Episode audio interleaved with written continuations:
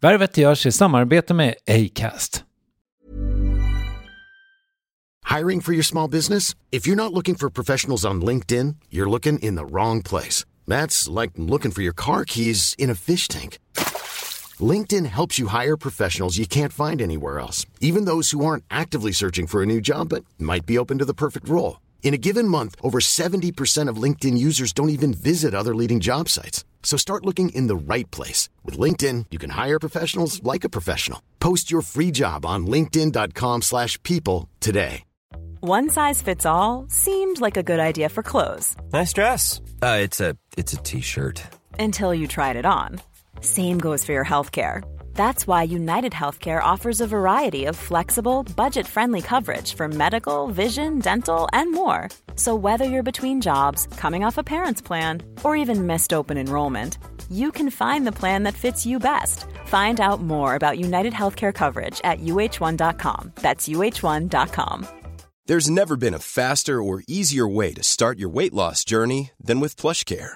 PlushCare accepts most insurance plans and gives you online access to board-certified physicians who can prescribe FDA-approved weight loss medications like Wigovi and Zepbound for those who qualify. Take charge of your health and speak with a board-certified physician about a weight loss plan that's right for you. Get started today at plushcare.com slash weight loss. That's plushcare.com slash weight loss. plushcare.com slash weight loss. Värvet presenteras i samarbete med Nasonex, utomhusmöjliggöraren, som de inte kallar sig av någon märklig anledning. Men det är i alla fall Sveriges mest köpta antiinflammatoriska nässpray mot allergisk snuva. Och nu kommer ett litet test, så fram med papper och penna du som lyssnar, nu kör vi. Fråga 1. Vill du vara ute mer i naturen? Fråga 2. Sitter du framför en skärm lite för mycket? Fråga 3. Är du allergisk? Om du har svarat ja på någon av frågorna så tycker jag att du ska bege dig till beanoutsider.se. Jag vill för övrigt poängtera att Nasonex nässpray är ett receptfritt läkemedel från 18 år för behandling av symptom vid säsongsbunden och perenn allergisk snuva. Rådfråga läkare om du är eller tror dig vara gravid eller ammar eller om du planerar att skaffa barn, har en obehandlad infektion i näsan, nyligen har genomgått en näsoperation eller har en skada i näsan. Får ingen effekt inom 14 dagar eller om du redan använder läkemedel med kortison ska du kontakta läkare. Använd ej mer än tre månader utan läkarkontakt. Stort tack Nasonex och beanoutsider.se.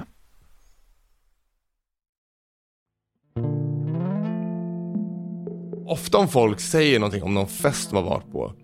Och bara ah det var så jävla kul, vi bara dansade hela natten och vi gjorde... Och man bara, men vad är du dum i huvudet eller varför dansar du inte mer om det var så jävla kul att dansa? Och jag tycker att vi har kommit ganska långt men jag tror att fortfarande att vi kulturellt sett i Sverige skulle kunna ha mycket mer dans i det offentliga rummet.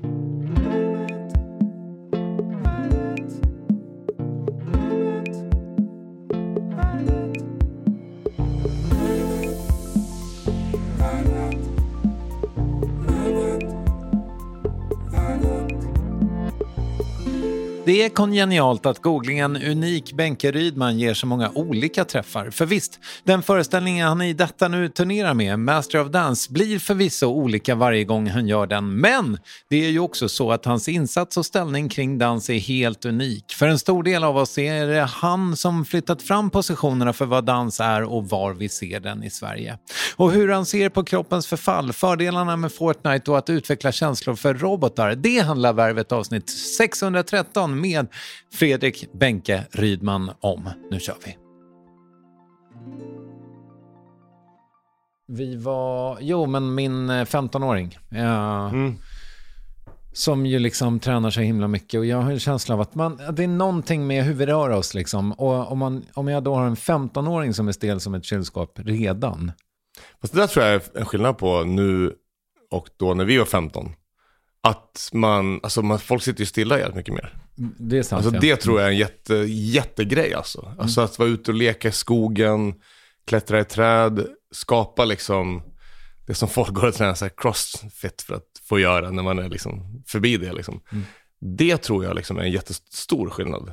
Uh, sen om man är stel eller inte, det behöver inte betyda att man blir skadad liksom. Det kan ju vara, det kan vara rätt okej. Okay. Alltså vissa kroppstyper som är stela, de är rätt bra skyddade från skador skulle jag säga. Ja, men det kanske är det, ja, precis. Jag kommer ihåg att jag intervjuade för svinlänge sedan Henrik Rydström, eh, numera tränare för MFF. Då Ja. eh, mycket, mycket karismatisk eh, allsvensk spelare i Kalmar, kanske. Ja. Eh, och han pratade om att han inte trodde på stretch. Nej, det är många inom fotboll som inte tror på stretch. Nej. Nej, men jag tror inte man ska stretcha. Alltså det är så här. Jag tror att det är lagom liksom. Alltså, dansare stretchar ju för att det har med en estetik att göra. För att man ska liksom vara rörlig, för att det ser bättre ut, för att det, funktionen blir bättre. Liksom. Men jag tror inte ur skadesynpunkt att man kanske måste stretcha som en tok, helt enkelt. Utan det, alltså det finns ju många, det finns ju många kroppstyper som, jag vet inte, om du sträcker ut din arm, men du är inte så överrörlig i lederna, eller hur? Nej, Det, ser- för vissa pekar du liksom bakåt här. Och då är man ju liksom lite slappare i lederna. Då är det oftast mycket värre med skador. Jag är också ganska liksom tight byggd så att säga. Ja, du har ju sagt, eh, beskrivit dig som en hockeyspelare, liksom, en, eller en dansare Ja, i en hockeyspelares kropp. Eller något. Ja, men typ så. Det har du aldrig sagt, men det var sny- Nej, men- så snyggt Ja. att det kändes Men nu, från nu ska jag säga det. Ja, exakt. Men du, vänta nu, nu ska vi tillbaka till kroppen. Och du har liksom ont överallt en dag som denna. Ja, men typ faktiskt. Eh, tyvärr. Mm. Det har varit lite så sista tiden. Men det blir, nu gör jag min föreställning också, så då, då blir det ju ett större påslag. När jag bara går runt, jag cyklar och jag liksom rehabbar och jag koreograferar. Då, är man, inte- då gör man ju inte liksom till max. Men när man väl är i föreställning så är det ju, då är det 100%. Så då får man liksom lite betala för det efteråt. I, i form av stelhet och det drar och det liksom, ja. Så det är inte kronisk smärta egentligen, utan det är för att du håller på med kroppen nu. Jag tror på hur man ser det. Det är, som, det är så himla svårt. Det är som att håller jag hela tiden igång lagom mycket, då är det bra. Men jag får inte vila, då blir det också sämre. Så att det är som att jag har liksom så lite diskproblem i nacken och lite ryggen som sitter kvar. Och jag, just nu har jag en sån, du vet så här, hälsenan är liksom lite, och då flyttar det där runt. Och så gör, då kompenserar det där och så kompenserar man där och så blir man stel där. Och, så att det, det var väldigt stelt hela tiden. Berätta om eh, dina osteopater och hur de brukade ta på dig. Osteopater? Ja, har du inga sådana? Nej, osteopati, det är väl där man skakar och grejer. Jag vet inte. Nej, men det, är inte så mycket osteopater i mitt liv. Eh, men, eh, Vet du varför jag, vet varför jag ställer frågan så? nej. Lisa Ekdahl var här för några veckor sedan och pratade Ja. om att eh, när hon har haft ont i kroppen, då ringer hon liksom typ, ja men Anna Wnuk och frågar så här, vem ska jag gå till? Jag har ont i kroppen. Ja, okej. och, och då är det alltid en osteopat som är svaret. Och eh, Lisas teori var att liksom, dansare har helt stort behov av att kropparna ska funka. Osteopati är bra, någonting. Ja, jag har inte, faktiskt inte provat det så mycket. Däremot så kör jag, jag har ju min, eh, min Vladimir som jag går till som, eh, alltså han är otrolig. Eh, han har också hand om jättemånga NHL-spelare i hockey och så han har otrolig kunskap liksom. Men det är liksom, det är mycket nålar med ström, det är liksom, och sen är det framförallt att jobba med kroppen på rätt sätt och skapa liksom rätt förutsättningar. För att man kan inte bara gå och behandla allting, man måste liksom hitta den där balansen i kroppen. Så att det. Att man, det är min go-to-person liksom. att man försöker hitta roten till det onda snarare än att behandla symptomen, eller? Ja, lite så. Att få liksom, för någonting obalans är det oftast i muskulaturen då. Eller man kompenserar hit och dit. Roten till det onda i ditt fall är väl att du har misshandlat din kropp i typ 30 år? Ja, jag skulle nästan säga det. För det är egentligen ingen större sådär skada att jag liksom har gjort någonting fel egentligen. Jag har alltid varit svinnoga med att värma upp och försöka ta hand om mig vad det gäller både så här med sömn och mat och allt det där liksom. Men eh, jag tror att det är bara utsliten. Så det är, det är lite tråkigt förstås. Jo, just det. Och sen kan man väl då, och då kan man kanske också prata om att liksom vi kanske inte är gjorda för att bli så gamla som vi blir längre, eller? Ja, men det tror jag verkligen. Att vi liksom, eh, det är ett väldigt intressant ämne. Att hur vi liksom hela tiden pushar att vi ska leva längre och längre. Vi ska liksom ersätta allting från, liksom, från syn till hörsel. Liksom, vi byter ut delar i kroppen. Alltså man kan ju få en höftprotes, knäprotes som funkar jättebra. Liksom. Men frågan är ju om vi ska, liksom, hur mycket ska vi pusha det framåt tycker jag. Ja, men vad, vad tycker du själv då? Jag tror mycket mer på att vi ska leva den tiden vi är liksom avsedda att leva. Okej. Utan så mycket och låta och alltså försöka ta vara på den tiden i varje liksom enhet som vi är i och se det som det är. Och våra, jag försöker välja att se mina mina skador, om man, om man är så tydlig som att så här, ja men nu har jag, jag har gjort hela knät här. Ja men det gjorde jag när jag åkte skidor så här. Ja men jag har ju åkt jävligt mycket skidor, fan vad kul jag haft liksom med all den här skidåkningen. Mm. Allting så här, ja men jag fick ont i ryggen när jag fick, eller jag fick så här, jag fick torra händer när jag fick barn.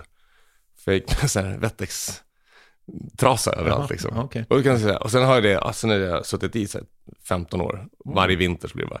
Men då, då kan man ju välja att se det som ett jävla skit eller se det som att, om jag har ju tre fantastiska barn. Mm.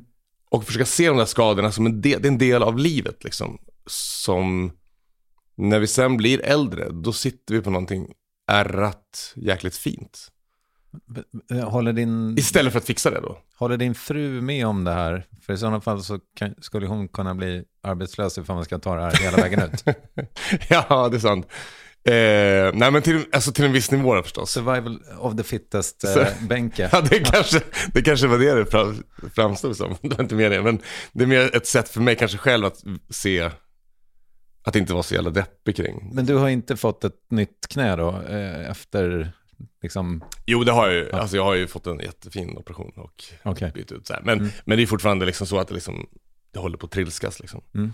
Men, men som, som idé kanske. Nej men det är klart man ska liksom göra saker för att inte, inte lida liksom. Men Men inte dagen, kanske vilket pris som helst. Nej. men den dagen du behöver en ny mjälte, då kommer du inte liksom vilja ha en eh, från en gris. Eller kommer jag säga så. Nej men tänk på, vad har man hjälten till? Jag vet inte ens. Nu kommer min fru döda mig när jag säger att jag... Eh, Någonting med blodsockret säger jag. Ja, men tänk, tänk vad mycket liksom godis jag ätit. Gud vad härligt det var. Mm. Men nu är min hjältepaj. Nej då, men det är klart man måste kunna laga människor. Mm.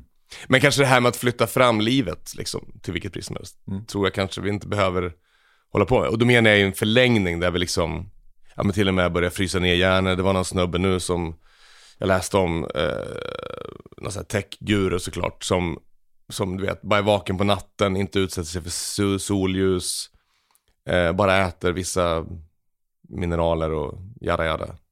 Är det någon sån som ska bli 600 år gammal? Eller? Ja, men som vill bli så här 200 år gammal liksom. Då tänker jag så här, men vad är poängen med att bli så gammal? Om du inte liksom lever då inom citationstecken nu. Det är som att det är helt meningslöst, kan jag tycka. Ja, men den, den filosofiska frågan är ju jävligt intressant. Jag tänker mig också kanske just, nu gissar jag då bara att den där snubben var amerikan. För där tänker jag, nu kanske det är lite fördomar på det här, men jag tänker att det kanske finns en kulturell grej som vi väl kanske också har lite grann. Jag menar att man lever liksom, man lever på något slags halvfart för att man sen ska liksom börja Ska få leva. betalt för det liksom. Ja. Eller liksom få njuta. Liksom, eller? pensionen eller vad man nu eh, liksom tänker är liksom den. Gissningsvis är det väl ofta pensionen att säga, ja men då ska Ja. jag börja spela golf på riktigt eller vad det nu kan vara. Exakt, då ska jag få liksom casha in då, inte i pengar men kanske i liksom liv. Exakt, och eh, skulle man, drar man det här hela vägen ut, då kan man ju liksom, ja men då, då byter jag ut eh, min mjälte så att säga. Och så har jag hundra år till då, när jag faktiskt har varit i gruvan i 50 år. Så att. Mm. I don't know. Nej men jag vet inte, jag har läst lite om det. det. Det kallas, eller det heter transhumanism tror jag. Alltså som en rörelse som, där man vill liksom bestämma över naturen. Mm. Och jag tror att det där är rätt farligt. Mm. Jag tror att det är, är någonting som vi inte ska hålla på med. Jag tror också att människan inte liksom är en del av naturen på något sätt. Jag menar att vi, liksom, vi ser oss som en entitet som är egna. Och sen är det andra, Mm. naturen. Ja. Jag tror vi måste hitta en större koppling till, till vilka vi är i, i hela ja, jordelivet. Liksom, på Ja. sätt. Och det är lite andligt och det är lite, men jag tror att vi är på väg ditåt. Det är liksom min spaning. Som, Jag tror att du har rätt, men det känns också som att det är, båda de här grejerna pågår samtidigt. Det är både liksom eh, miljardärerna som åker på ayahuasca-retreats och fryser in sig på nätterna så att säga. Ja, alltså, ja. Det kanske inte är exakt samma människor, men båda trenderna existerar. de går samtidigt. samtidigt. Och den ena är ju en mottrend mot den andra, så att säga. Eller en reaktion mot, mot Just den det. andra. Men eh, Lite som när LCHF och surdeg kom exakt samtidigt till Sverige. just det, och så hälften gick all in på det och hälften gick... Ja, ja precis. Ja, ja, anyhow. Och då är du mer ayahuasca än, än, Ja, det skulle jag säga. än eh, kryokammare. Även om jag är otroligt intresserad av robotar och AI och allt det där. Liksom. Ja, ja, men du är ju det. För, Mm. Och det där med AI tänkte jag att vi skulle komma fram till nu. Varför inte? Nej, men nu är jag- klockan är... Ja, exakt. Nu är klockan AI. Nej, men jag har en känsla av att du liksom, alltså för det första så, jag har ju lyssnat på riktigt gamla intervjuer med dig och att du pratade liksom om AI för typ tio år sedan. Varför var du nyfiken på det här så tidigt? Jag tror att det har med, äh, återigen, att det har med kanske kroppen att göra. Liksom. Alltså den själva nedbrytningen av kroppen. Att vi, äh, vi försöker skapa liksom liv, om man säger så. Att man pratar om att man äh, ja, försöka hitta på ett eget liv. Le leka lite gud så att säga. Och eh, det är ju väldigt intressant om vi kan skapa liv. Det tror jag är någonting som människan har drömt om. I, det finns ju massor av eh, berättelser. Och, eh, vad heter de? Grekerna och allting liksom. Hur, hur, tänker du? Alltså, man och kvinna kan ju skapa liv på ett coolt sätt. Ja, men jag menar på ett konstgjort ja, sätt helt enkelt. Okay. Eh, att man, eh, ja det beror på vad man då tror på såklart. Man, ja, helt rätt. Men varför det är så intressant med AI, jag vet inte, jag tycker väl egentligen alla att det är intressant egentligen. Eh, alla de här filmerna om där människor blir liksom kära i en AI och det finns ju väldigt mycket. Det är väldigt intressant där, man tror att man inte kan få liksom emotioner för en robot. Men jag gjorde, jag gjorde en föreställning där jag dansade med en robot, mm. en stor industrirobot. Och då... Jag har bara sett klipp, men det såg jävligt häftigt ut. The show is so beautiful, it's mind-blowing, the choreography is awesome. Benki's dancing like a god, uh, and the robot is so beautiful. Ja, men det spännande var ju, det jag ville försöka få, det var ju att få folk att känna någonting för den här roboten. Att den skulle liksom framskapa emotioner genom sitt sätt att röra sig. För att när vi ser robotar så är det ju så här, åh fy fan vad skrämmande. De rör sig fort och de är, de, de är knyckiga i rörelserna för att de är programmerade att röra sig så snabbt som möjligt. Eh, för att vara så effektiva som möjligt i industrin. Men om, de, om man kan man hitta en mänsklig rörelse i den här, att ta hand om, så att den här roboten så att säga lyfte mig och tog hand om mig då, jag var människan i det här eh, såklart. Eh, så tror jag att det var väldigt många som fick väldigt mycket emotioner kring det. Att, att man så att säga levandegör den. Och det var ju som ett sorts experiment kring, kan man få liksom riktiga känslor? Och det visar sig att det går ju. Det, folk har ju så AI-flickvänner i USA, det är ju till och med relativt vanligt nu. Okej. Okay. Mm. Eh, fast man vet att det är en AI, mm. så blir man ändå liksom nu ska jag kolla om hon eller hon då har skrivit någonting fint. Mm. Och de där AI lär sig vad man själv tycker om för att man i, sin, i sina svar så avslöjar man ju sig själv så att säga. Så att oh, wow. det byggs upp liksom en relation mellan dig och AI. Mm. Nej men jag vet att när jag jobbade med den där, jag jobbade med ABB då, eh, med den där roboten. Och då vet jag att de har utvecklat så här robotkatter tror jag det var. Som de har inom äldrevården. Där, där man kan sitta och klappa en liten robotkatt. Och det där visar sig att det, det funkar ju väldigt, väldigt bra. Att det ger en väldigt trygghet och relation som människorna mår väldigt bra av. Mm. Och då, då är det ju svårt att tycka att det är någonting fel med det kanske. Jo, och då, då låter det liksom, fan det är ju ganska intressant ändå att vi har, när var industrialiseringen då? Säg på 1800? 50 kanske började i alla fall, inte med ja. robotar men... Ja men säg för 200 år sedan då så började vi liksom mm bygger liksom stadsdelar som är byggda på att man bor ensam eller möjligen med en till. Liksom och sådär. Ja, så att hela samhället har gått mot att vi ska kunna vara ensamma. Mm.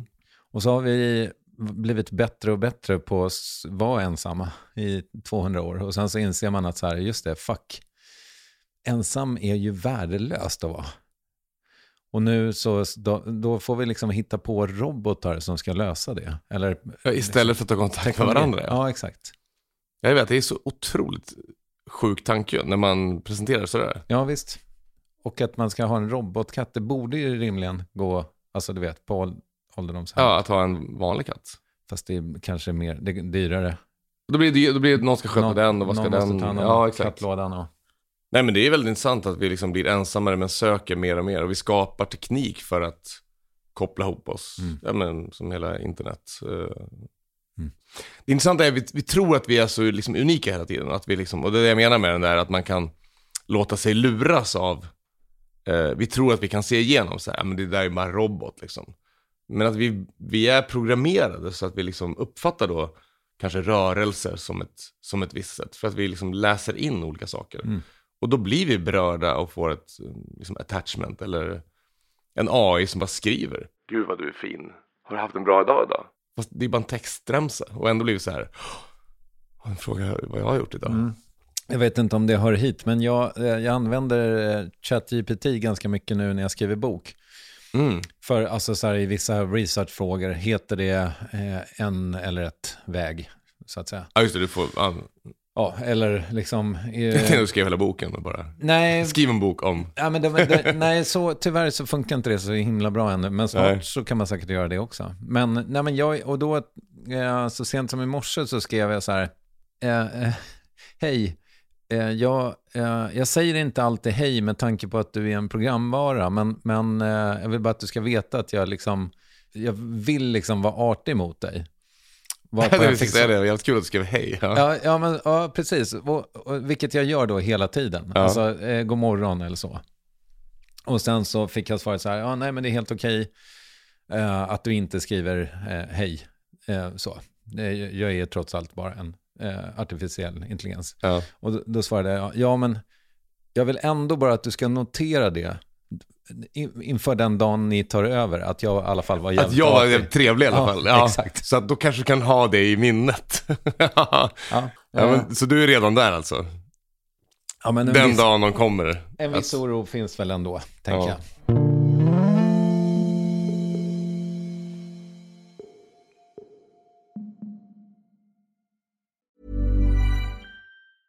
Cool fact a crocodile can't stick out its tongue. Also, you can get health insurance for a month or just under a year in some states. United Healthcare short term insurance plans, underwritten by Golden Rule Insurance Company, offer flexible, budget friendly coverage for you. Learn more at uh1.com. Ryan Reynolds here from Mint Mobile. With the price of just about everything going up during inflation, we thought we'd bring our prices down. So to help us, we brought in a reverse auctioneer, which is apparently a thing. Mint Mobile unlimited premium wireless. Ready to get 30, 30, bit to get 30, bit to get 20, 20, 20, bit to get 20, 20, bit to get 15, 15, 15, 15 just 15 bucks a month. So, Give it a try at mintmobile.com slash switch. $45 upfront for three months plus taxes and fees. Promo rate for new customers for limited time. Unlimited more than 40 gigabytes per month. Slows. Full terms at mintmobile.com. Burrow is a furniture company known for timeless design and thoughtful construction and free shipping, and that extends to their outdoor collection. Their outdoor furniture is built to withstand the elements, featuring rust-proof stainless steel hardware, weather-ready teak, and quick-dry foam cushions. For Memorial Day, get 15% off your Burrow purchase at burrow.com slash ACAST and up to 25% off outdoor. That's up to 25% off outdoor furniture at burrow.com slash ACAST. Yes, ny sponsor. Värvet presenteras i samarbete med Svea Bank. Och jag menar inte att ta ner stämningen, men dessvärre är ju lågkonjunkturen här, vilket innebär att de flesta branscher har det tufft och också väldigt många privatpersoner. Jag vet själv vad det är att ha en trasslig privatekonomi. Det var struligt i många år för mig och låg ofta post i hallen med trista logotyper i ena hörnet och jag hade också i flera års tid ett helt gäng betalningsanmärkningar. Och tyvärr är det nog många som har det svårt att få ihop till räkningarna just nu, som har hamnat i ekonomiskt trubbel. Och det är här Svea Bank kan kliva in med något som kallas skuldfinansiering. Där löser de skulder hos inkasso och till Kronofogden och till och med om Kronofogden vill sälja ditt boende har Svea Bank möjlighet att hjälpa till. I den här tjänsten får du en personlig handläggare som gör en grundlig genomgång av din ekonomiska situation. De tar kontakt med dina kreditgivare och när ett lån beviljats löser de dina skulder åt dig och samlar dem i ett enda lån med en avbetalningsplan som din ekonomi klarar av. För om du har hamnat i klister, du är inte ensam och kanske kan det här hjälpa dig. På svea.com skuldfinans kan du läsa mer. Tack Sveabank! En sak som jag tänker mig att du kanske har tankar kring är dansens status i Sverige. Ja, Vill du prata lite om det? Nej men jag tycker traditionellt sett så, nu, nu pratar jag om en resa då kanske så, när jag började dansa och var runt 10. Så tycker jag dans, bilden av dans, uppfattar jag det som i alla fall då, var att det är någonting mm, konstigt, någonting svåråtkomligt som folk gör och sen ibland är det lite bakgrund i tv. Som lite glättyta eller bakom någon artist. Men, och det var liksom en av anledningarna till att vi ville starta så vi tyckte att Dels var dansen alltid bara i bakgrunden och svårt och konstigt. Att lyfta fram dans som en egen konstform som har ett värde och som folk faktiskt kan gilla. Allihopa. Ehm, Och i takt med det så kom det in de här, alltså tv-programmen, Let's Dance, det börjar bli lite mer allmängiltigt. Och sen har ju, alltså hela sociala medier gjort jättemycket för dans. Eh, som kanske radion gjorde för popmusik. Glöm inte Fortnite. På, nej, exakt. Mm. Som ju är otroligt stort. Jag tror man kan fråga nästan vem som helst. Kan du nog Fortnite säga? Nej, jag, jag kunde nog eh, flossa ett tag. Flossa. Mm, den är svår. Här. Ja, just det. Loser-grejerna. Mm. Det här. Agent, Agent Orange är det någon som heter. ja, nej, jag kan inte heller. Men, Nej. nej. men att det har skapat också en, en allmängiltighet. Ja, man kan dansa i ett videospel, man kan dansa. Och det tycker jag vi har saknat i Sverige jättemycket. I USA tycker jag att det är så här att där kan det stå någon sån här tjock gubbe vid grillen och bara, oh den här låten och bara, du vet så här. Det är lite funky, det är, så här, det, är, det är inget pinsamt, man tycker bara om att röra sig musik och det är ju så, det är så himla grundläggande i människans natur. Mm. Att dansa. Och, och ofta om folk säger någonting om någon fest de har varit på och bara, ah det var så jävla kul, vi bara dansade hela natten och vi gjorde och man bara, "Ja, men vad är du dum i huvudet eller varför dansar du inte mer om det var så jävla kul att dansa och, och hålla på liksom. Ja. Och så är det bara, nej men man måste dricka och allt det där liksom. Men jag, så att det har skett en väldigt förändring, det blev världens längsta svar nu, men jag tycker att vi har kommit ganska långt, men jag tror att fortfarande att vi kulturellt sett i Sverige skulle kunna ha mycket mer dans i det offentliga rummet. Mm. Eh, där vi liksom inte lägger band på oss. Men det är ju, det är ju liksom mycket Sverige, att man inte, jante och alltihopa liksom. Men det håller ju på att släppa och det är väldigt kul att det är mycket mer allmängiltigt. Ja, men jag tycker mig också, och där kanske egentligen dansen mår kanske bättre egentligen än måleriet på sätt och vis. Jag hade ju Karin Mamma Mm. Andersson här nyligen liksom. Och där känns det ju som att det är, måleri är liksom fortfarande, okej, nu har i och för sig Lars Lerin absolut gjort säkert något tv-program där han målar med funktionsvarierade eller vad det nu kan Ja. tänkas vara. Men, men, eh, men måleriet känns fortfarande som det är liksom för någon annan. Det är för någon klass som man själv museal- inte tillhör. liksom. Precis. Och dansen kanske också har känt så lite grann, liksom operan typ. Att det är så här, framf kanske framförallt ballett, att det är så här Det har ju känts överklass. Liksom. höga trösklar. Inte för mig. Och, och den konstnärliga dansen har varit för svår. Man fattar ingenting. Det är Nej. någon som smetar in sig själv med färg eller Mm. någonting. Men eh, jag, tror, jag tror att dansen har mycket mer plats att ge. Eh, i ett i så många liksom, perspektiv av det. Allt från så här sum, zumba-klasser till att folk faktiskt väljer att gå och se en svårt tillgänglig, så att säga, konstnärlig dans, ren dansföreställning. Mm. Men jag tror man måste liksom avmystifiera dansen lite grann. Eh, ännu mer, alltså den konstnärliga dansen. Och låta den vara så här, det här är faktiskt coolt. Det är liksom pop, det är liksom hög integritet. Det är, det är någonting som berikar. Många tänker ju på dans som att man ska förstå det. Och den parallellen med måleri, om du tar en abstrakt målning, det är aldrig någon som ska förstå vad det är för någonting, att det betyder eller whatever. Utan man får en upplevelse ändå. Ja, men, och, och, ja. förlåt. Och där, där hade jag, vill jag gärna prata med dig också, apropå, återigen då, Karin, nej egentligen inte apropå henne, jag kan steka henne. Nej men, eh, jag, jag förstod ganska nyligen att man inför måleri, eller liksom, ja men, konst, ja. att man faktiskt kan på något sätt, och, även om, okej, det, här var- det här kopparsticket som jag står och tittar på nu Mm. från 1837. Eh, helvete vad det inte säger mig någonting. Mm. Eh, men vilket hantverk. Det är någon som har stått och, och skrapat med en liten Ja, nål det. på en plåt. Så länge. Doppat den i olika färger i olika, vad det nu kan tänkas vara. Och då blir det liksom så här, om man tar in hantverket i det, då blir det ju en ny parameter. Då, kan man liksom, då spelar det egentligen ingen roll om jag förstår liksom Nej, vad den ska säga mig eller så. Exakt, eller så utan då kan man bara säga, satan i gatan, det är någon jävel som har liksom gått och karvat på den här i 600 år. Liksom. Mm. Ja, jag vet inte. Och, Jo men det är ju ett värde, men där, och där tycker jag liksom, jag kan tycka både och liksom. För där har ju balletten haft den positionen av att det är så här, det är ouppnåeligt på något sätt. Det ser overkligt ut. Mm. Att det är form av liksom någon sorts så här, vad heter det, simhopp över det hela. Över att man så här, hur fan kan de göra så där? Och det är ju fascinerande, men det, men det kanske inte är berörande i den, på det sättet som jag tycker riktigt bra konst kan vara. Nej, uppenbarligen tycker ju större delen av svenska befolkningen inte det eftersom man inte går på balett i så Nej, i den stor, Nej, större utsträckning. Men jag menar att man kan, du kan ha både hantverket och det där att titta på någonting som, som gör att du inte ska, jag tror att ingången är så här, om du går in och sätter dig på dansföreställningen så här, jag ska inte förstå det här. Jag ska bara låta mig svepas med. Det kan betyda vad som helst. Det kan betyda att du kan få en upplevelse av att det här, det här är när min mormor gav mig köttbullar med mos liksom. Och då kände jag så här, det här är ungefär samma sak. Eller någonting jättetragiskt, eller beroende på vilken erfarenhet jag har. Om man, om man låter sig öppna sig för det, Mm. så tror jag att det finns så mycket i dig som inte, vi är så intellektuella i Sverige. Vi ska så här, vi ska förstå det här. Det är lite som med teatern också, den har ju alltid varit väldigt re- realistisk och naturalistisk. Medan kanske i Frankrike så är det mycket mer så fantasi och flyger runt och Mm. folk gör konstiga grejer. Men det handlar inte bara om att vi är ovana då som publik? liksom? Jo. Om, vi hade, om jag hade varit på en dansföreställning i månaden sedan jag var 18 så hade jag kanske kunnat se det på ett annat sätt.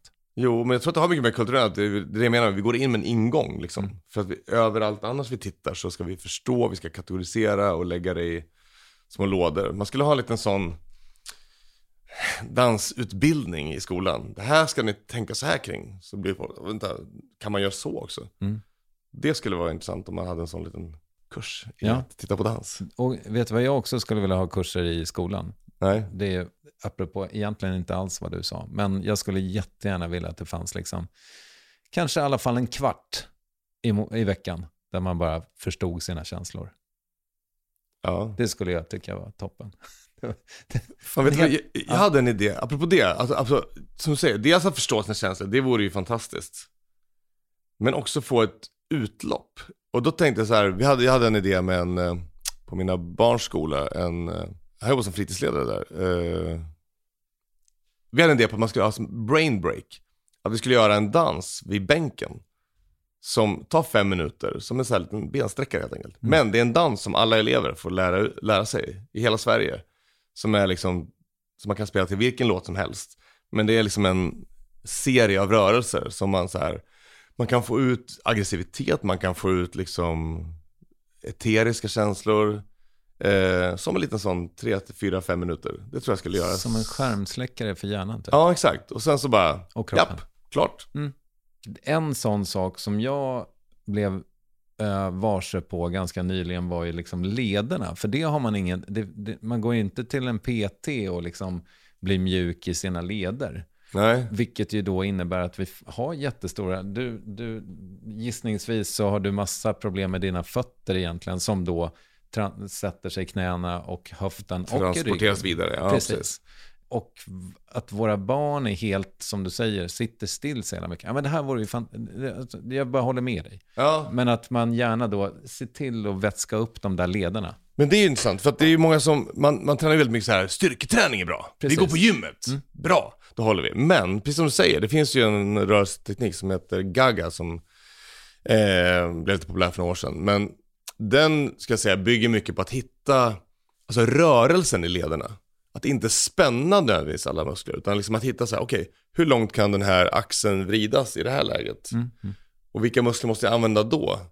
Och vilka måste jag slappna av i för att hitta rörelse? Då, då hittar du helt plötsligt liksom ett rörelseomfång i kroppen och hittar liksom positioner i kroppen som du kanske inte har varit i tidigare. För att vi sitter still så mycket. Det är som att vi, vi blir som fastlåsta i våra rörelsemönster.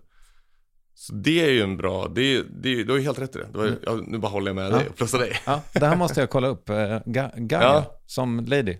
Eh, som Lady Gaga, ja precis. Det kommer från eh, eh, Ohad Naharin, en legendarisk koreograf som har ett startat ett kompani som heter Batsheva i Israel. Wow, okej. Ja, det ska jag absolut kolla upp. Mm. Du, men jag funderar också på så här, för okej, AI, nu är ju det liksom ehm, ja, men på alla släppar på något sätt och du har ju då, liksom, fan den här robotgrejen gjorde ju du 2015? Nej, Kanske? 18, men 18, ja. okej. Mm. Ja, men det, det, det eh, känns som länge sedan. Jag får en känsla av när jag läser på om det att det där är ett ganska bra exempel på att du liksom vill trycka ut eh, gränserna för hur man gör vad det nu är du gör, oftast dans. Mm. Liksom. I, har du tänkt på det i de termerna själv?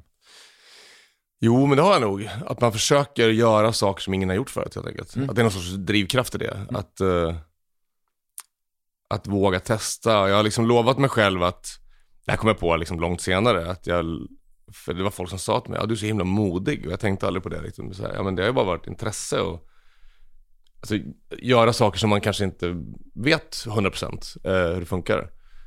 Men det har jag liksom försökt lova mig själv, att alltid vara modig. Att alltid våga prova någonting nytt. Kan man göra på det här sättet? Så det är ju lite så, försöka vara lite innovatör på något sätt, tycker jag är väldigt spännande. Eh, och det kanske, det kanske går, alltså jag läste ju, jag har ju dansat hela mitt liv, men jag pluggade ju teknisk fysik. Jag vet inte om det, och det var ju inte så att jag drömde om det, utan det var mer som att det är en bra utbildning och det, det, jag har ganska lätt för matte, så att om det är någon sån liksom halvingenjörsgrej liksom, att man vill hitta på. Jag tror att det går ganska, alltså nu har ju KTH har ju så här konst och vetenskap, och jag tror att det finns ganska täta band kring det där, eller täta, vad heter det, skott. Mm. Eh, Nej, nej, jag vet inte det är alls. tvärtom. Täta skott är tvärtom. då, är det, då går det inte alls mellan Ja. Exakt. Men för eh, det faktum att du har tryckt fram gränserna, det känns ju som att det kanske har gjort att en ny publik har hittat till dansen. Eller är det, alltså, är det tvärtom, att du bara har gjort någonting nytt och sen så har publiken liksom blivit nyfiken? Nej, alltså jag, vet, jag var med i en grupp som heter Bounce för länge sedan. Och då hade vi liksom motto att aldrig tänka på publiken. Mm. Utan att bara tänka på vad vi tyckte var. Vi var sju pers nästan hela tiden. Och vi var ju som en, demok- liksom så här, en vad heter det, kollektiv som bara gjorde allting tillsammans. Mm. Och när vi alla sju tyckte att det här ska vi göra och det är bra, då gjorde vi det. Och sen så fick publiken gilla det eller inte. Och då, oftast gjorde de väl det för att vi hade tänkt igenom så mycket och det var så, det var så kärnfullt och det var så, det blev en viss kraft då för att vi verkligen ville göra någonting. Eh, och då om vi blandade någonting så blev det också lite nytt. Eh, och då blir det väl lite intressant tror jag. Och det har ju det har varit väldigt kul att det har öppnat dörrar för många människor att titta på dans på ett annat sätt. Att det behöver kanske inte vara det som man eh, faktiskt tror att det, var, att det behöver vara på något sätt. Så, mm, liksom, men, men känner du att du fortfarande då som, har du två produktioner som man skulle kunna prata om som faktiskt händer nu när vi sitter här? Ja, just det. Matilda, Matilda. Och min egna Master of Dance. Ja. Just det, precis. Är de liksom, fortsätter de i den riktningen också att de på något sätt bryter ny mark? Särskilt den, din soloföreställning gissar jag gör det. Jo, men den gör väl det, skulle jag säga. Eh, det har jag väl hört från många också. Att den, ja, men just för att jag, eh, jag både dansar och försöker göra liksom någonting som har ett konstnärligt värde ur dansperspektiv.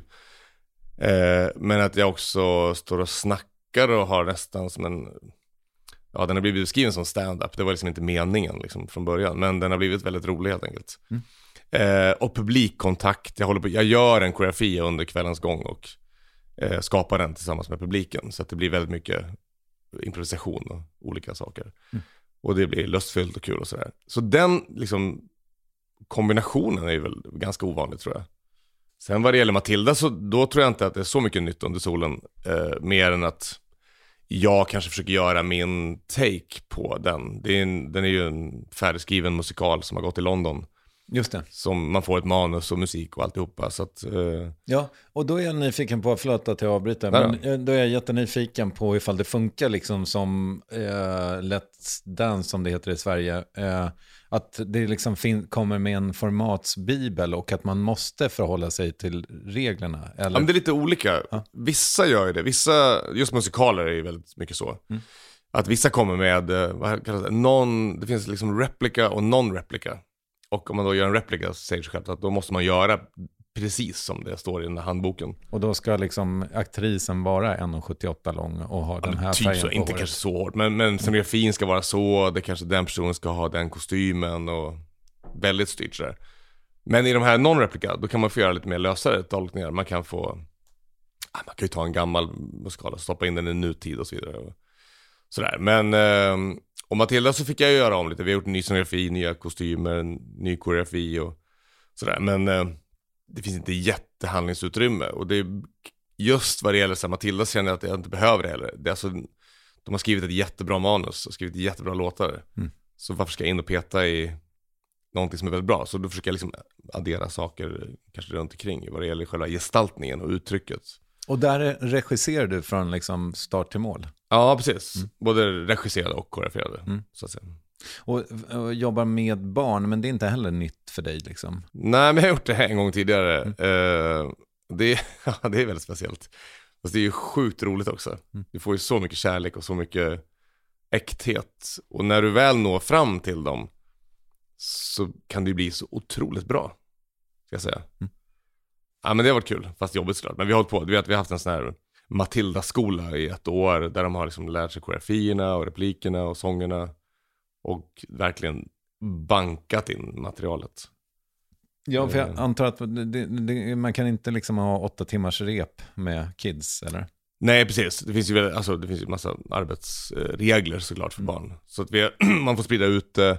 Vi har ju tre olika Matildor som varvar för att de inte får köra för, för många föreställningar i veckan och så vidare.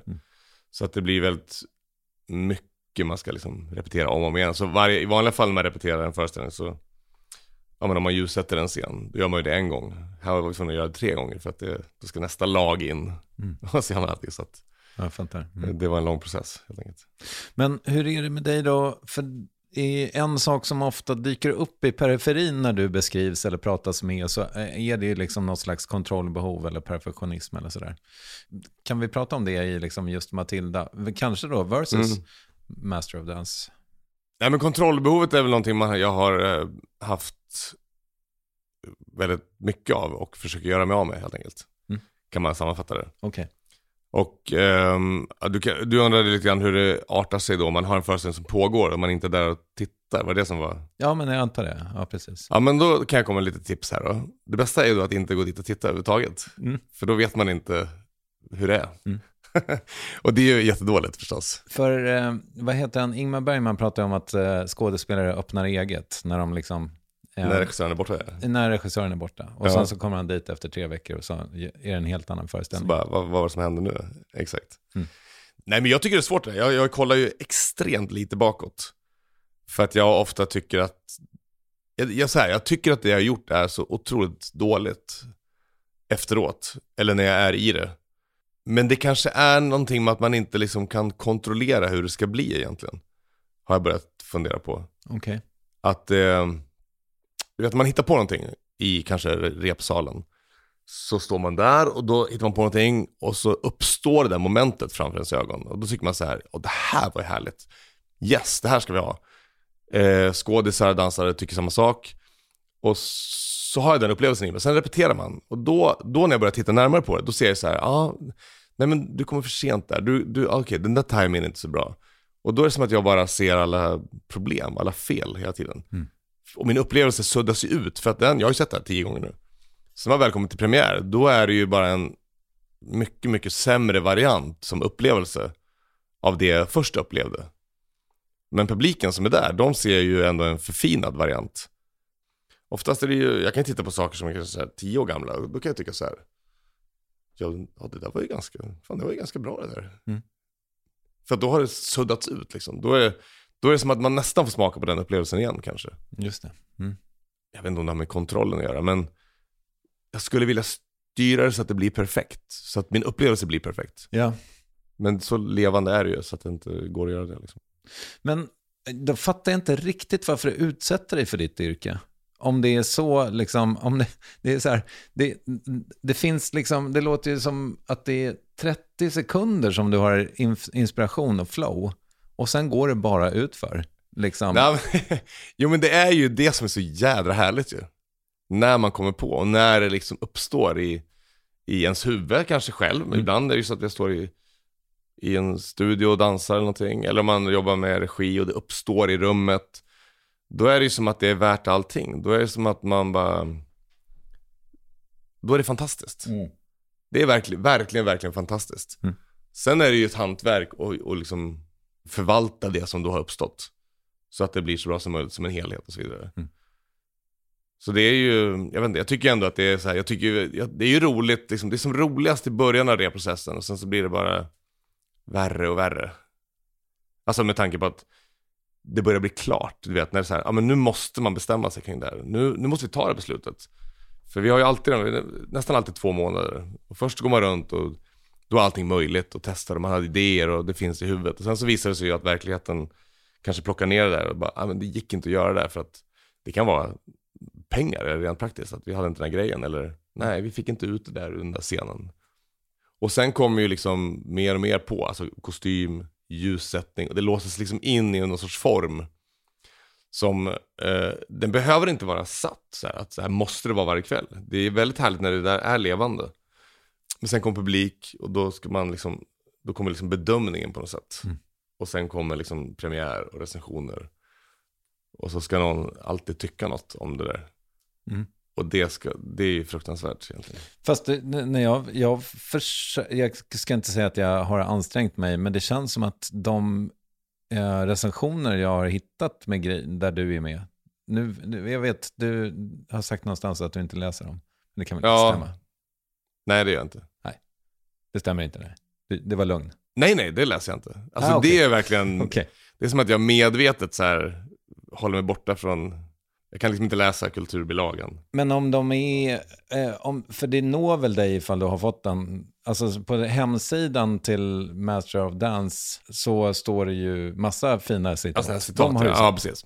Jo, men så man fattar ju ändå om det har gått bra eller dåligt. Mm. Men jag behöver inte sitta och läsa en speciell mening som du vet, så här, sätter sig som en jävla stämpel. Liksom. För det kan verkligen sätta sig på en.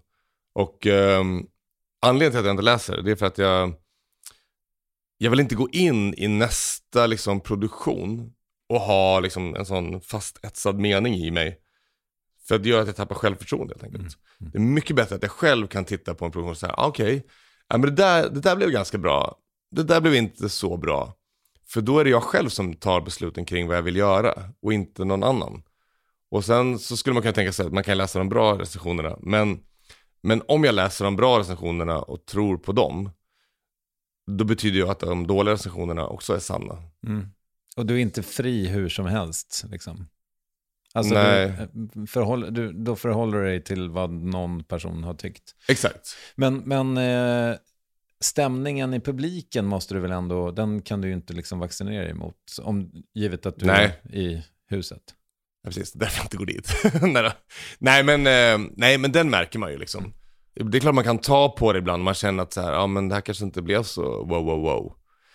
Men, eh, men ibland med, med lite eh, tid så kan jag tycka att vissa av de föreställningar jag gjort som inte kanske var så där största applåder på, ändå var väldigt lyckade konstnärligt liksom. Och då blir man också ändå mer trygg i sig själv, att säga, ja men jag vill, jag tycker att det där var fan vad bra det var. Sen är det inte så många som tyckte att det var bra, men då får man ju liksom, eh, det är mycket lättare att acceptera än att det är liksom en, en stor röst om att alla tycker så här. Men du, nu när du, för jag vet inte hur nytt det är, men, men du har liksom någon, du har en roll som jag inte ens visste fanns på Stadsteatern som jag har förstått det. Ja, precis. Ja, vad är det? Eh, nej men den rollen kallas väl husregissör, men jag är en av fyra husregissörer. Okej. Mm. Eh, och det är väl egentligen bara så att man är liksom, man kan väl säga att man är anställd regissör. Mm. Det, det är också ett annat ord för Så att jag är där på, men jag är där på tre år.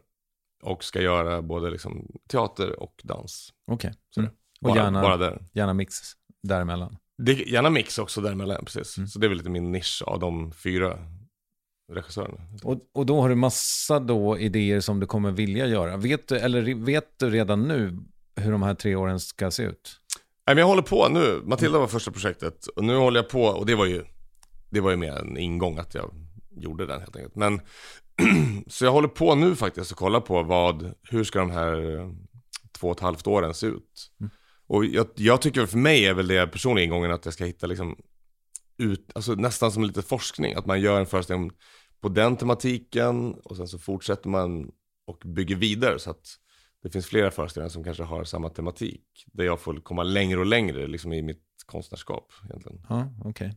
Och just blandningen mellan liksom det, teatern och dansen och det fysiska uttrycket ska jag säga. Mm. Är väl grunden. Liksom.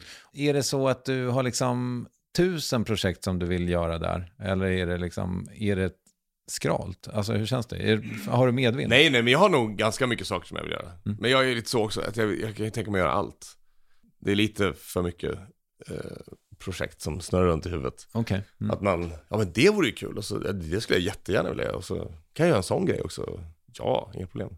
Eh, men som koreograf och regissör, finns det liksom Finns det saker som du inte behärskar som du skulle vilja in i och, och undersöka av den anledningen?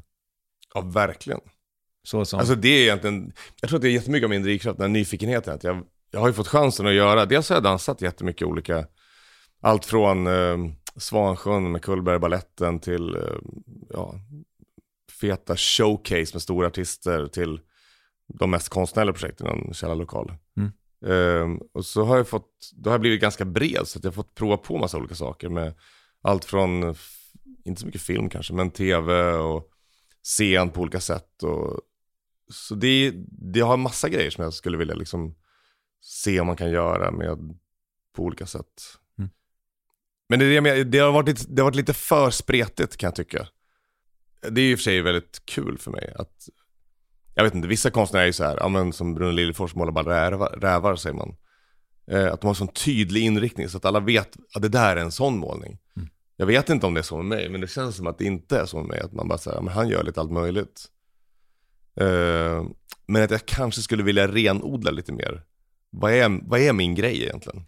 Fast är det inte liksom, om jag relaterar till det, alltså min fru, hon blev ihop med en kille som hade så här äh, svinlångt hår, tjock, svartklädd, eh, läderjacka, solbriller, skägg, hål i örat typ. Och sen så klipp till åtta år senare så ser det ut som, någon, liksom, inte vet jag, eh, nå- eh, alltså något helt, helt annat. Ja. Och det är ju för att jag, är- jag, man vill, jag vill inte stelna, jag är livrädd för det. Och jag är livrädd för att Ja. göra liksom samma typ av intervju hela tiden. Jag måste liksom trycka er åt olika håll, ni som är här. Och, Ja, för annars skulle du ju bara somna där bakom Ja. micken liksom. Ja. Ja. Om man liksom som ett tag, typ 2013 eller 2012, s- s- andra halvan, när jag så hade skrivit ett formulär som jag typ tog med alla gäster för att jag inte hade tid att skriva frågor. Och Ja. Pisstråkigt, pisstråkigt var det. ja, jag fattar. Så uh, ja, jag vet inte vart jag vill med det här. Nej, men det är att man alltid vill utvecklas ju. Ja, inte Är inte stelna. det? Att man liksom vill, jag brukar ha, jag har mycket regler, alltså för att få kontroll. Nej, det låter som att jag är som, nej men att jag vill göra projekt där jag liksom kanske inte kan 20 eller 30 procent. Det är nytt otrampad mark. Som gör att man, då blir man så jävla mycket på tårna. Och då blir det liksom livfullt, det blir kul, det blir ett pirr i magen. Men inte helt ute på helt ny is kanske. Just det. Att man ändå har, man har någonting i bagaget som gör att man känner sig hyfsat trygg.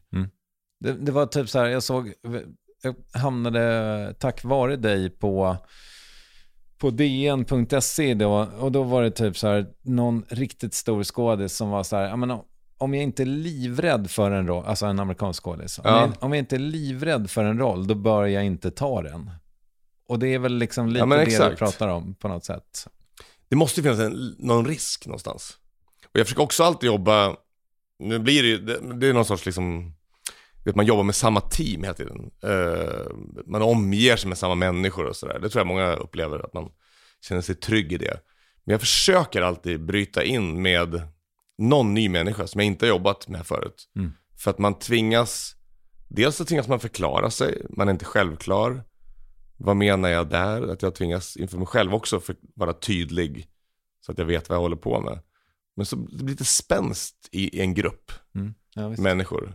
Vilket är bra. Och framförallt också om det är liksom, ja med erfarenheter, ålder. Att det finns en, någon sorts komplex liksom, eh, ja spänst tycker jag är bra ord. Och då är jag liksom lite nyfiken på du som då liksom tog dina första professionella steg så tydligt i ett kollektiv. Hur ser det ut nu? Liksom, om, har, har du fortfarande människor runt om dig som du måste ha för det konstnärliga?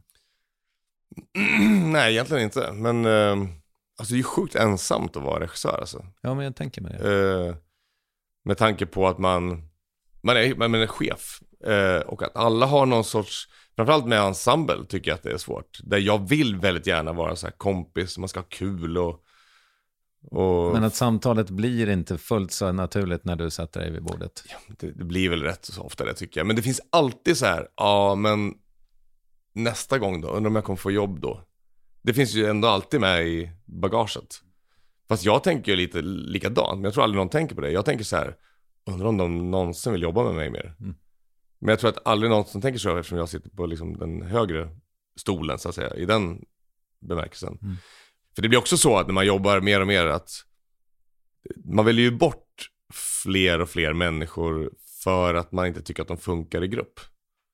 För att det är helt meningslöst. Framförallt med det vi håller på med, som bara bygger på någon form av kemi. Det är så mycket man står på golvet och, och jobbar med varandra fram och tillbaka. Och det, ska, det ena ska ge det andra och jag måste få hjälp av alla som är medskapande.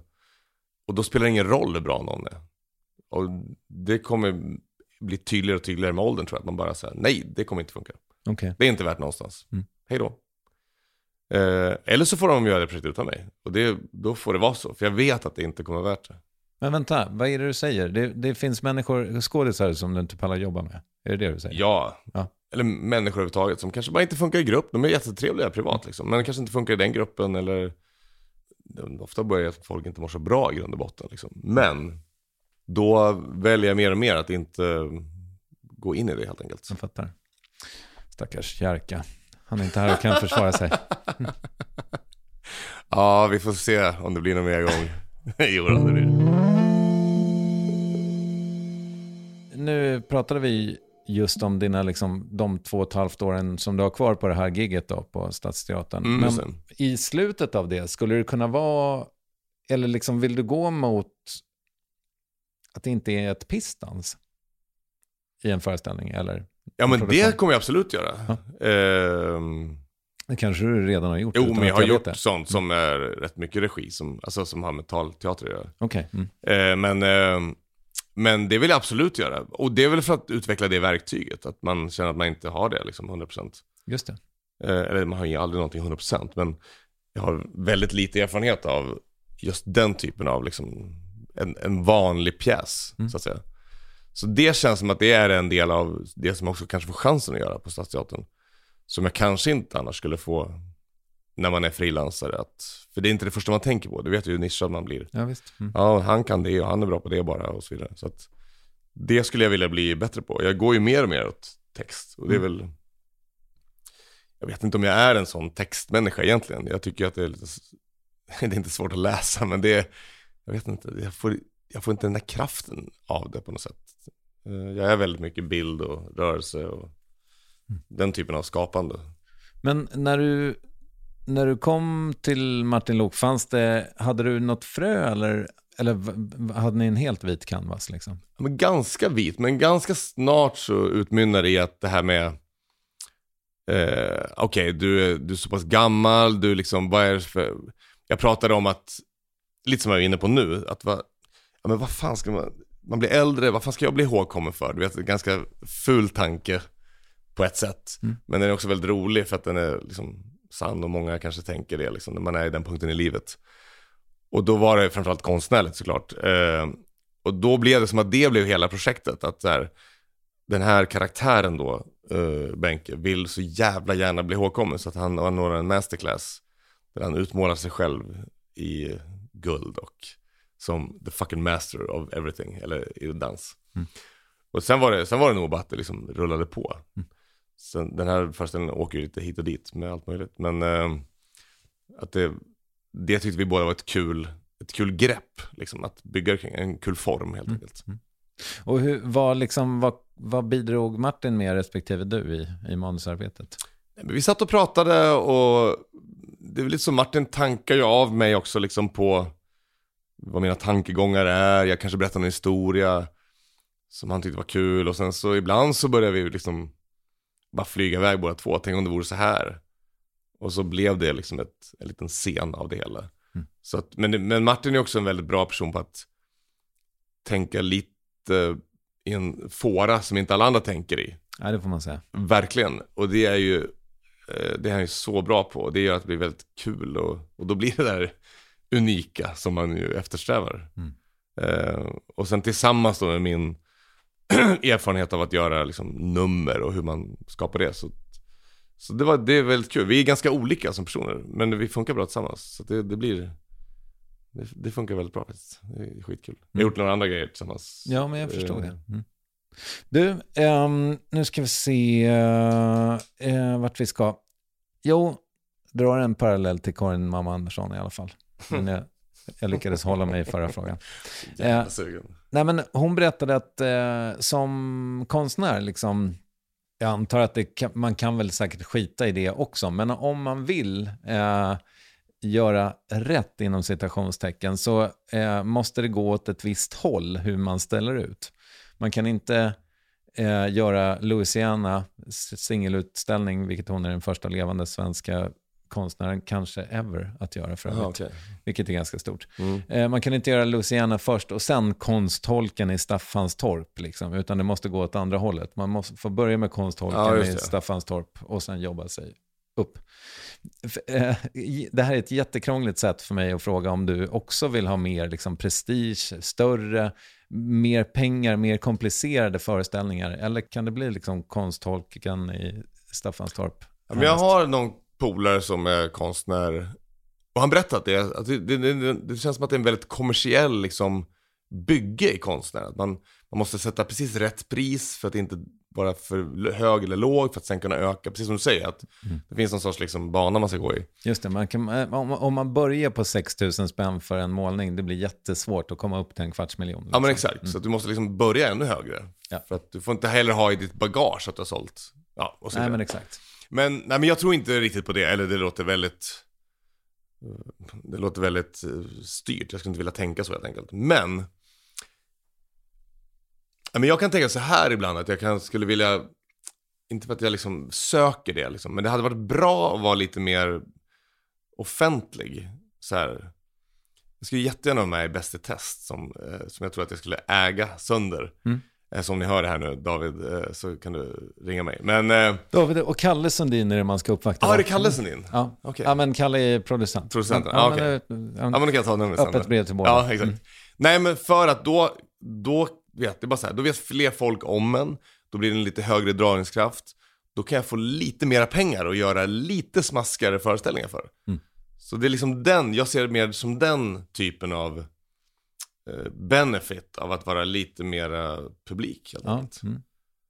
Men, men inte att jag klagar. Men, men det hade varit kul att få göra. Nu får jag göra jättemycket roliga saker ändå, så jag ska inte klaga. Men eh, om man nu ska tänka taktik eller om man nu ska tänka vilken ordning man ska göra saker i, så, så har jag ju varit helt otaktisk. Eh, Det är också det att du fyllde Globen för drygt tio år sedan med ditt gäng, liksom. Eh, Ja. Flera kvällar i rad.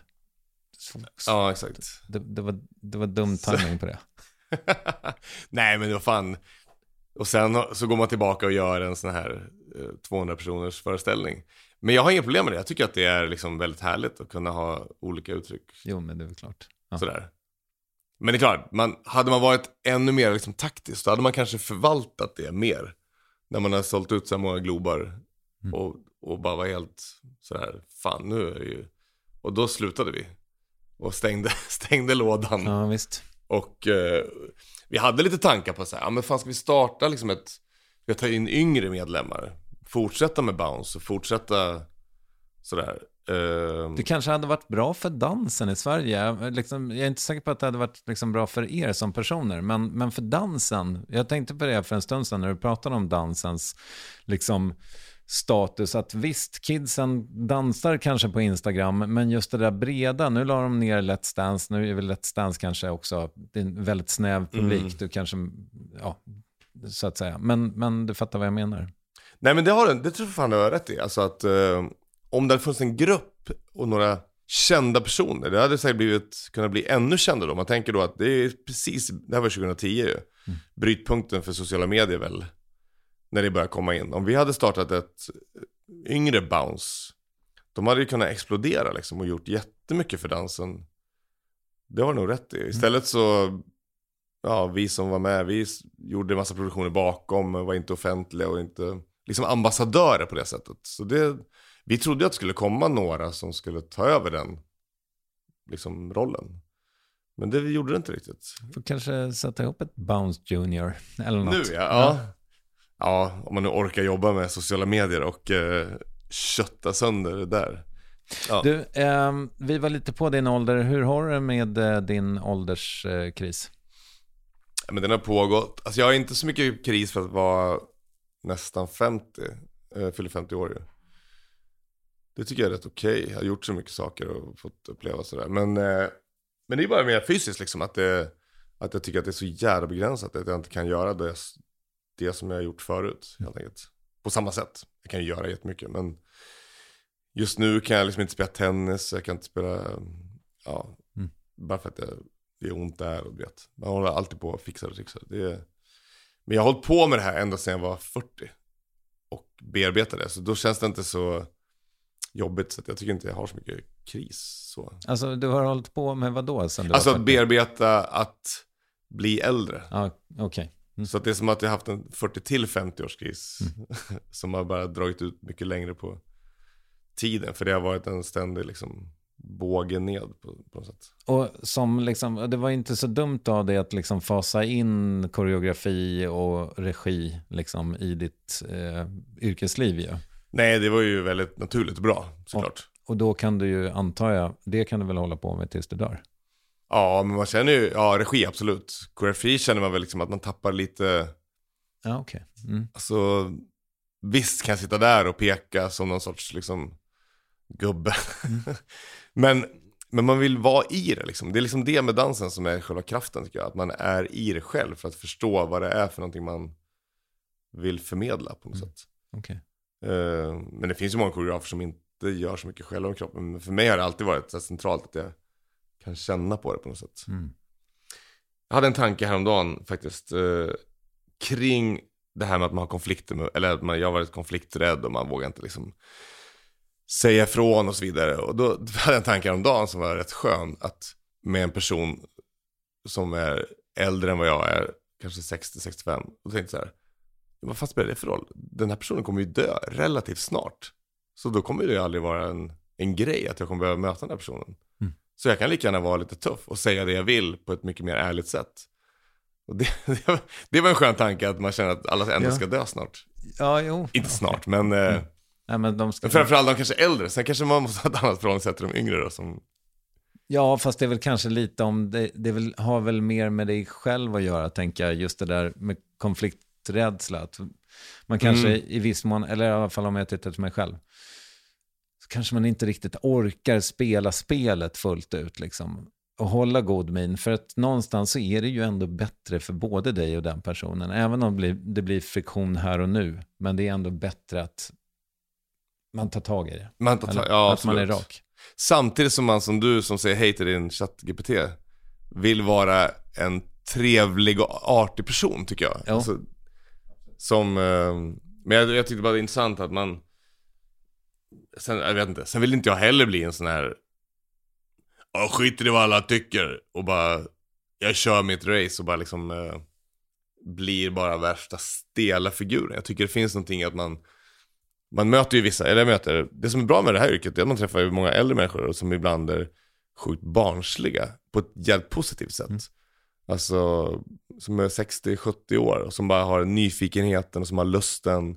Och det är någon sorts målbild som jag vill ha ändå. Att inte bli så här och bara sopa alla åt sidan. Fortfarande nyfiken, fortfarande liksom sugen på att lära mig saker.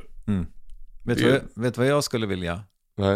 Jag skulle vilja sluta tänka så jävla mycket på min ålder. Jag tycker att all, alla coola människor, så här som man känner, typ, de, alltså som är då äldre än jag, Mm. de har så här grått skägg och liksom så här, men att de fortfarande utvecklas, pratar inte om att de är 64 liksom. Nej, och kan gå in i ett rum där det står 25-åringar och bara så här, du vet jag tänkte på en sak. Och bara vara helt så här. Mm. rak och ärlig och inte se, jaha nu, kom, nu ska jag gå fram till den här som är mycket yngre och undrar hur den kommer uppfatta mig och jada jada. Mm, ja, på min tid så, alltså, eh, ja. Ja, men hela tiden ta det i beaktning, ja, som en sorts disclaimer eller någonting. Mm. Utan bara, det finns, det är det jag menar, vissa människor är ju så att de bara, de är sig själva på något sätt. Liksom. Och vet du vad jag tycker? Jag tycker du och jag ska in i det där nu. Nu. Men du, eh, vad fan, då tänker jag mig väl att vi tar, vi, ja, ja, men säg, säg förresten varför man ska komma och, se på dina grejer nu i, i vår. Oh. Nej men om man, okej så här, om man, eh, Jag tror att ingen har sett den här formen tidigare på Master of Dance. Eh, den är rolig, den är också väldigt ärlig och det är... Jag försöker göra jättebra dans, helt enkelt. Jag ser fram emot att se den. Ja, du är välkommen. Tusen miljoner tack för att du ville komma förbi. Ja, men tack själv. Det var väldigt trevligt.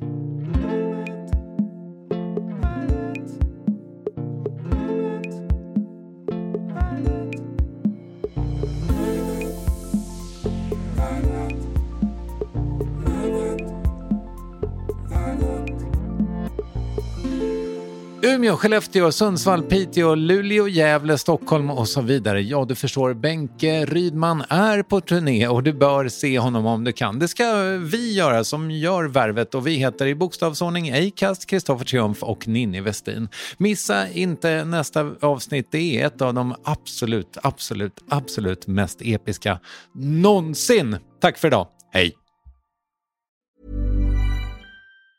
Hi, I'm Daniel, founder of Pretty Litter. Did you know cats tend to hide symptoms of sickness and pain? I learned this the hard way after losing my cat, Gingy. So I created Pretty Litter, a health monitoring litter that helps detect early signs of illness by changing colors, saving you money and potentially your cat's life. Pretty Litter is veterinarian developed, and it's the easiest way to keep tabs on your fur baby's health right at home. Go to prettylitter.com and use code ACAST for 20% off your first order and a free cat toy. Terms and conditions apply. See site for details. Planning for your next trip? Elevate your travel style with Quince. Quince has all the jet setting essentials you'll want for your next getaway, like European linen, premium luggage options, buttery soft Italian leather bags, and so much more. And is all priced at 50 to 80% less than similar brands. Plus, Quince only works with factories that use safe and ethical manufacturing practices.